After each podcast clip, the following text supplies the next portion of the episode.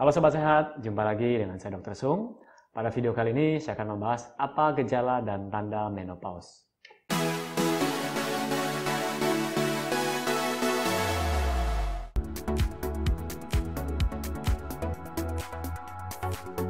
Ya, Sobat Sehat, kali ini saya berada di tempat praktek saya di Surabaya. Jika Anda pengen tahu lebih lanjut, silakan searching di Google Map. Ya, Oke, saya akan bahas tentang menopause. Jadi, apa sih menopause itu? Nah, di sini menopause adalah istilah yang digunakan untuk seorang perempuan atau wanita yang sudah berhenti haid atau tidak mengalami proses haid lagi selama satu tahun. Nah, proses uh, menopause ini terjadi karena penuaan indung telur, ya, atau kita sebut dengan ovarium, yang biasanya bertugas untuk memproduksi sel telur. Nah, karena mengalami penuaan, jadi indung telur tersebut tidak tidak lagi menjalankan fungsinya dengan baik. Artinya sudah berhenti untuk memproduksi sel telur tadi. Dan akhirnya ada hormon terutama hormon wanita ya, itu sudah tidak diproduksi lagi dengan baik. Jadi jumlahnya tidak cukup. Nah, proses menopause sendiri pada setiap orang bervariasi. Rata-rata proses menopause terjadi pada usia sekitar 48 hingga 53 tahun. Nah, apa saja gejalanya? Umumnya, gejala menopause uh, adalah perubahan pola menstruasi. Jadi yang biasanya menstruasi sekitar 5 sampai 7 hari, masanya ini akan menjadi lebih memendek ya, mungkin sekitar 1 sampai 2 hari dan jumlah darah menstruasinya akan berkurang sedikit demi sedikit, lalu lama-kelamaan akan hilang atau berhenti. Ya. Tapi ada juga beberapa orang menjelang masa menopause justru jumlah haidnya akan bertambah banyak. Nah, hal ini tentu saja akan mengganggu kesehatan pada wanita tersebut. Dan jika Anda mengalami gangguan seperti ini, segeralah kunjungi dokter Anda. Kemudian gejala yang kedua adalah hot flashes. Apa itu hot flashes? Jadi hot flashes ini adalah uh, kondisi di mana seseorang, seorang perempuan yang telah mengalami atau masuk ke dalam masa menopause, mereka biasanya mengalami panas di daerah wajah, turun ke leher sampai ke tubuh bagian atas. Dan ini tentu saja sangat tidak nyaman, ya. Dan biasanya gejala ini terjadi di pada perempuan-perempuan di daerah negara-negara barat, contohnya di Eropa sana. Dan kasusnya di Indonesia ini sangat jarang terjadi. Namun bukan tidak menutup kemungkinan wanita di Indonesia pun ada yang mengalami hal ini. Lalu gejala selanjutnya yang biasa dirasakan adalah insomnia. Nah, ini paling sering, ya, bukan biasa tapi paling sering dirasakan oleh wanita dan berujung pada biasanya wanita tersebut karena kurang tidur juga gangguan mood, kemudian mudah depresi, cemas. Nah, kemudian juga uh, masalah fisik ya, berat badan mudah bertambah, kemudian rambut rontok, lalu sering muncul jerawat pada daerah wajah. Jadi bukan hanya seorang mengalami pubertas saja yang muncul jerawat, tapi mereka yang masuk masa menopause juga bisa muncul jerawat. Namun gejala ini tidak mesti keluar pada setiap wanita. Lalu ada istilah perimenopause, di mana menurut WHO atau World Health Organization, perimenopause ini merupakan kondisi atau mulai terjadinya yaitu 2 hingga 8 tahun sebelum betul-betul terjadi menopause.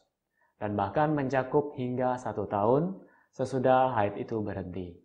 Ya, Dan masa ini cukup, uh, saya bisa bilang cukup mengganggu bagi mereka yang merasakannya karena rentang waktu yang cukup lama. Nah, ada beberapa gejala yang dirasakan oleh mereka yang memasuki masa atau periode perimenopause ini.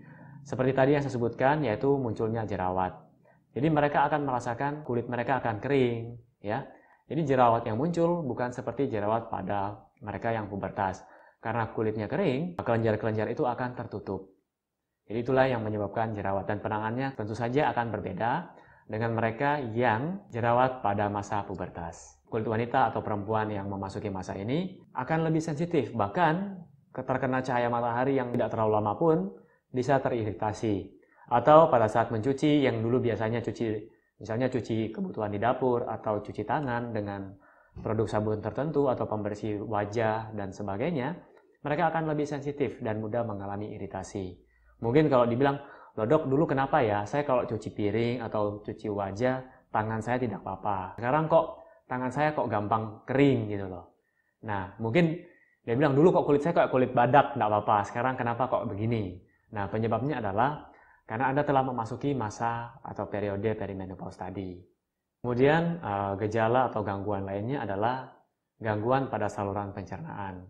Jadi semua organ pada wanita yang masuk memasuki masa menopause akan mengalami penipisan, termasuk di saluran pencernaan. Akhirnya mereka yang dulunya yang suka makan pedas, makan berminyak tidak masalah. Ketika masuk periode ini atau masa ini, mereka akan lebih sensitif. Jadi pada wanita akan mudah terasa lebih kembung, bergas seperti itu. Kemudian makan sedikit yang dulunya tidak apa-apa, sekarang mungkin muncul diare. Kemudian masalah lain adalah kandung kemih. Ya, banyak wanita yang mengalami anyang-anyangan, terus harus bolak-balik ke toilet karena tidak bisa menahan kencing. Ini juga adalah gejala-gejala yang muncul. Dan yang terakhir adalah karena gejala kekeringan tadi, kulit kering, dan di daerah vagina pun ikut kering. Ya, jadi biasanya gejala perimenopause ini kan terjadi pada usia sekitar 40 hingga 50 tahun, di mana seorang wanita masih aktif melakukan hubungan seksual.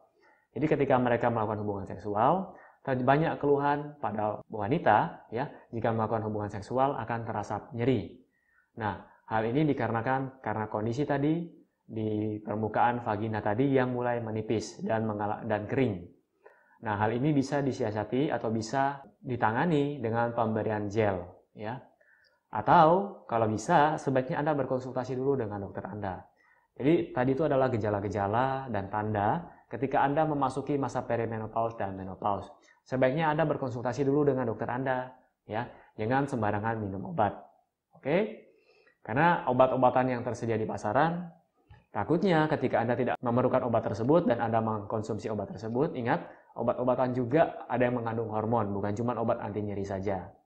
Takutnya nanti malah hormon Anda kacau dan mengarah ke cancer. Sebaiknya Anda bertanya kepada dokter yang mengerti masalah menopause ini. Ya. Oke, itu tadi adalah penjelasan tanda dan gejala menopause.